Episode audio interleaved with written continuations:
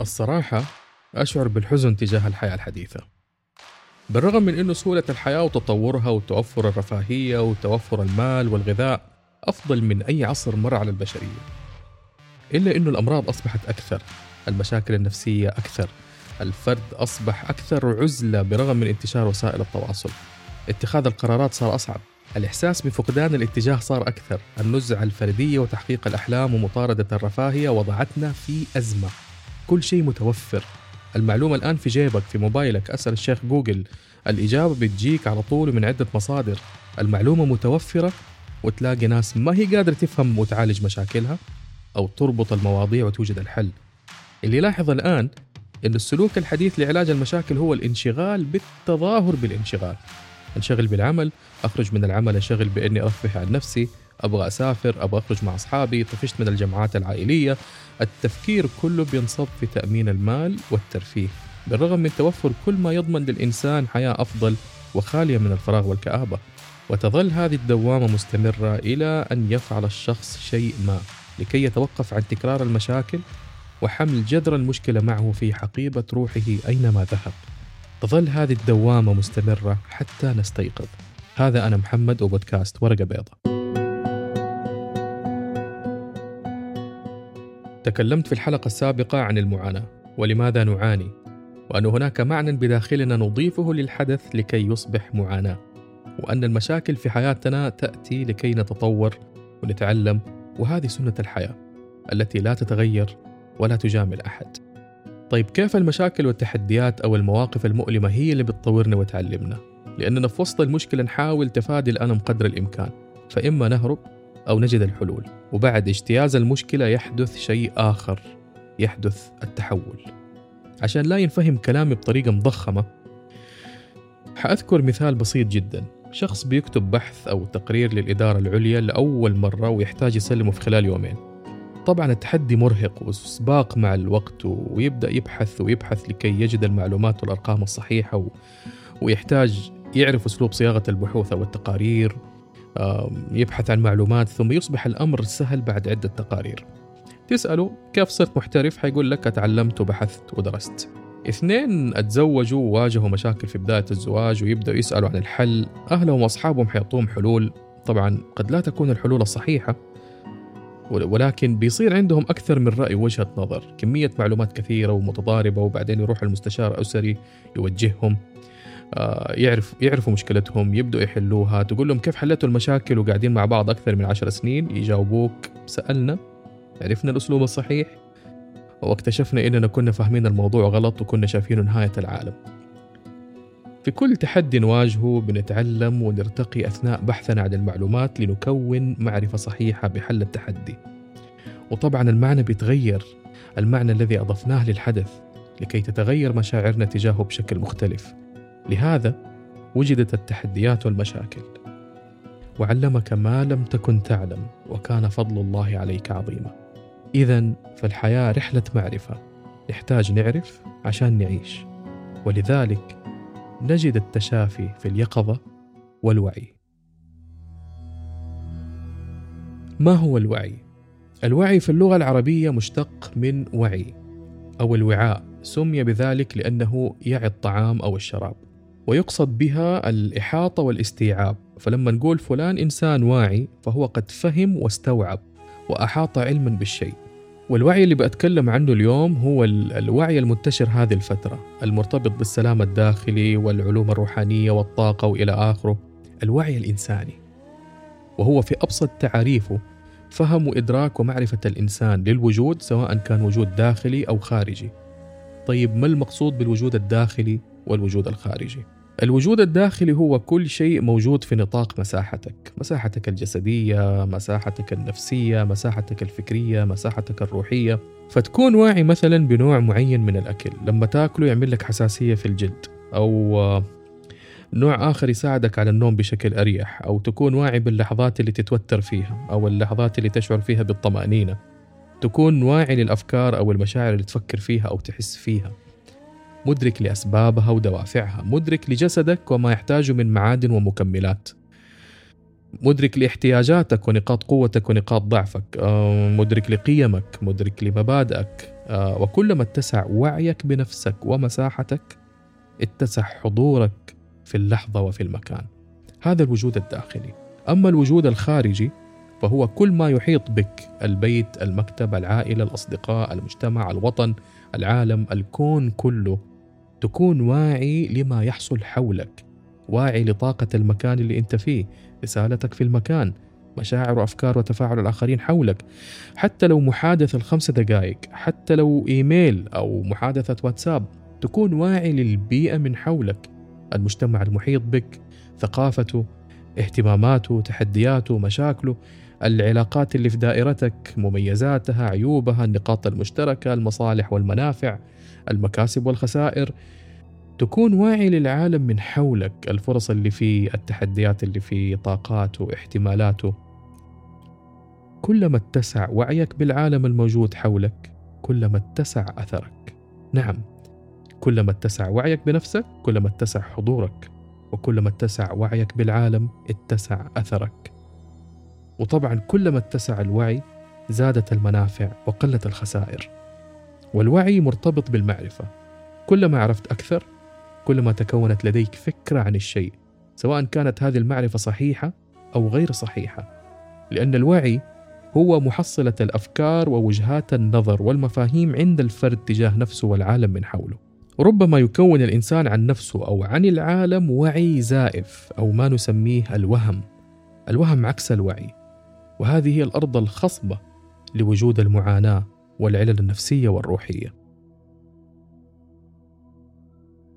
الوعي مساحة لا تنتهي وليس لها أي حدود وهو مدد سماوي وإلهي لا ينفصل عن المصدر ومن لم يجعل الله له نورا فما له من نور. وفي نفس الوقت نحن لسنا مطالبين باحتواء وتحقيق كل هذه المساحة من الوعي. نحن فقط نحتاج من الوعي ما يجعل حياتنا طيبة وكفيل بأن نحقق ما نريد. ويساعدنا على التناغم في رحلة الحياة الخاصة بكل شخص. والصراحة أنا أتحفظ على اللي يصنف الناس بناس وعيهم منخفض وناس وعيهم عالي لأن الصورة النمطية للواعي صارت شبيهة بصورة الأنبياء أو أو غاندي أو بوذا أو ديباك شوبرا أو إيكارت تولي الصراحة هو ده الوعي المنخفض إن صح التعبير. إنه إحنا نفصل الوعي عن الواقع وناخذ كم شهادة في التدريب أو اليوغا أو غيره وأقول والله أنا من أهل الوعي. الوعي ما له أهل ولا له مجموعة ولا له مدارس تدرسه لأن الوعي شيء كوني في كل علم ومجال. في كل شيء في الحياة له وعي. يأتي كما ذكرت سابقا بعد فهم ومعرفة تفاصيل الشيء. لأنك قد تجد إنسان واعي بروحه واعي بأسرار الكون لكنه غير واعي بما يحتاج جسده غير واعي بأنه لو استمر على النوم القليل أو المتأخر واستمر في الأكل المخربط حيندم بعد كم سنة. تجد إنسان واعي بجسده يهتم فيه يروح الجيم يأكل أكل صحي لكنه غير واعي بالعلاقات. علاقاته كلها سيئة زواجه على المحك أبنائه غير مهتم فيهم. ويمكن تلاقي إنسان واعي بالعلاقات الاجتماعية جدا ناجح في التحدث وقضاء الوقت الجيد مع الآخرين لكن وعي الروح بالكون والخالق كارثة حقيقية. عنده شك في حب الخالق له وعنده شك في وجود العالم الغير مادي لروحه وهكذا. لا يوجد وعي مطلق يجعلنا نصنف الناس بوعي عالي أو وعي منخفض. إلا القلة القليلة من البشر واللي كانوا استثناء لأنه كانت لديهم رسالة استثنائية في الحياة. هؤلاء الذين تجاوزوا العالم ولمسوا الحقيقة المطلقة وأدركوا أن العالم الأكبر قد انطوى داخلهم. ربما من أول خطوات الوعي ولكنها الأعظم إني أكون واعي بمشاكلي والتحديات اللي بتخليني غير راضي عن حياتي أو أكون صادق مع نفسي دون أي مقاومة أو رفض وأشوف حياتي الحالية وأشوف أنا إيش ناقصني وإيش أحتاج سواء في الصحة أو المال أو العاطفة أو حتى المرح والترفيه والفلة وأبدأ أتعلم وأعرف وأجمع معلومات وأطبق ومع التطبيق حعرف أكثر وأكثر في البدايات حلاقي صعوبة في التطبيق ربما العائق أنه عندي اكتئاب ربما العائق عندي معتقد إني ضحية أو ما أستحق حياة حلوة حكتشف أكثر وأتعلم أكثر وأشتغل على كل المعيقات. وهنا تكمن أهمية الوعي. الوعي الذي يبدد الوهم، النور الذي يضيء الظلام، المعرفة التي تزيل الجهل. هذا الجهل الذي نبنيه أحيانا من المقاومة ومن الرفض المستمر لحقيقتنا. فلا نريد استقبال أي معرفة من شأنها أن تساعدنا في شفاء أنفسنا أو تساعدنا في تغيير أشياء جذرية في حياتنا. ونفضل نقول ما نحتاج شيء. الله الغني أنا كده ما أتغير. يا تتقبلوني ولا مع السلامة؟ أحد قال لك إني مريض ولا معتوه؟ أحد قال لك إني مو مبسوط في حياتي؟ أحيانا بيجوني الناس ويقولوا لي محمد أنت كلامك جميل ومنطقي ولكن ماني قادر أستوعب أو أطبق قلبي جدا مجروح معاناتي مرة كبيرة ظروفي جدا صعبة. نعم هذا رفض. رفض إني أمر بهذه التجارب وأمر بالمعاناة وأستسلم لمنطقة الراحة لصنع شعور الضحية. منطقة راحة تمنعني من مسك زمام الأمور وهذا الرفض يمنعني إني أتقبل الألم وأتقبل ضعفي وأتقبل جهلي. هذا الرفض يخبرنا دائما أن هناك الما بالداخل ألم لا ينتمي لنا. ولكنه جعل بيننا وبين ذواتنا الحقيقية مسافة كبيرة. هذه المقاومة التي لا تتبدد إلا إذا أدركنا أول خطوة في الوعي. أن الكثير من أمور الحياة خارج سيطرتنا وأننا نحن وحدنا من نتحمل مسؤولية حياتنا الخاصة وأننا لسنا ضحايا بل صانعين لهذه الحياة. الوعي كان وما زال موضوع يشغل الوجدان الإنساني من فجر التاريخ والإنسان يحاول يعرف ويتعلم ويستكشف. شغف المعرفة هو ما يجعل الإنسان يفكر في وجوده وفي نفسه وعلاقته بنفسه والآخرين علاقته بالعالم ما هو العالم ما هو الخالق. وهذه هي رحلة التنوير واليقظة والوعي التي لا تنتهي. كل هذه العلوم العقلية والرياضية والجسدية والصحية والنفسية والروحانية وصلت إلينا على مراحل من الوعي في تاريخ البشرية. ومن هذه المعرفة نشأت التطبيقات والكيفيات والاختراعات. وحتى الوعي نفسه وصل إلينا في شكله الحالي بعد وعي بمعرفته علومه وتطبيقاته. من أبرز النظريات اللي تناولت الوعي في العصر الحديث نظرية سلم الوعي للدكتور ديفيد هوكنز اللي اختبر الوعي الإنساني عن طريق المشاعر وقسمه إلى درجات ووضع لكل درجة معيار عددي بناء على تجاربه الإكلينيكية باستخدام علم الكينيسيولوجي وعلم الكينيسيولوجي هو علم يدرس حركة الجسد القائم على مبادئ وآليات الحركة الفيزيولوجية والتشريحية والبايوميكانيكيه والعصبية. في مصطلحات مرة صعبة ما أعرف كيف قلتها. يقسم ديفيد هوكنز الوعي على 17 مرحلة ولكل مرحلة درجة عددية. تبدأ من مستوى الوعي السلبي إلى أن تصل إلى مستوى كوني شمولي. ومن هذه المستويات مستويات المستوى الخزي بدرجة 20 مستوى الغضب بدرجة 150 المستوى الشجاعة بدرجة 200 الحياد بدرجة 250 القبول بدرجة 350 الحكمة بدرجة 400 الحب بدرجة 500 السلام بدرجة 600 التنوير بدرجة 1000 ممكن نقول إنه ديفيد هوكنز كرس عمره بالكامل في دراسة الوعي الإنساني من الجانب الروحي. وألف سلسلة من الكتب في هذا الموضوع وكان تحفة كتبه كتاب تجاوز مستويات الوعي. ومن أبرز النظريات أيضا نظرية ال spiral dynamics للدكتور كلير جريفز واللي قسم الوعي فيها إلى سبعة مستويات. طبعا هذه المستويات كانت بناء على دراسة عملها جريفز مع 200 باحث لمدة 25 سنة على قيم الفرد والمجتمع والجماعات. هذه المستويات هي الوعي البدائي، الوعي القبلي، وعي التفوق أو الوعي النخبوي، الوعي الرمزي أو وعي القدوة، الوعي المصلحي الوعي الإنساني وأخيرا الوعي الشمولي أو الكوني وهو أسمى درجات الوعي عند جريفز بغض النظر عن تنوع المدارس والنظريات عن الوعي وبغض النظر عن وجود مدارس روحانية أخرى كالأسرار والعلوم الباطنية اللي تهتم بترقية الوعي الكوني والشمولي نقدر نستفيد من أي واحد فيها ونركز عليه لأنه كل هذه المدارس والنظريات تدعونا للتأمل العميق والتقييم المستمر لأنفسنا وتساعدنا على الدخول في العالم الداخلي الموجود فينا. وفي هذا العالم نجد جميع الإجابات لكل مشاكلنا وأسئلتنا. الجميل في الوعي إنه يقوي عندنا الحس بمجرد إشارة من الجسم أو من الأعضاء الداخلية كالقلب أو المعدة. حنبدأ ندرك إننا أكلنا شيء ثقيل أو ضار أو نحتاج ننام أو نرتاح. بمجرد الإحساس بشعور معين حنبدأ نعرف إنه عندنا قيمة انضربت أو صدمة من صدمات الطفولة استيقظت أو في حاجة بداخلنا تم تلبيتها. وعارفين إيش وعارفين ليش. بمجرد أستقبل إشارة معينة في مكان معين نعرف طاقة المكان إذا كان سلبي أو إيجابي علينا. يبتدئ الحدس يقوى ويقوى إلى أن نستطيع التواصل مع كامل الكون بصمت وهدوء وحضور. التنفس والتأمل يساعد بشكل أساسي في تقوية الوعي لأنهم يساعدوا الإنسان إنه يركز يتصل بنفسه أكثر يقلل من سيل الأفكار اللي في الدماغ ويبدأ بالحضور. والحضور يعني أن يكون الإنسان حاضر في اللحظة والمكان هنا والآن.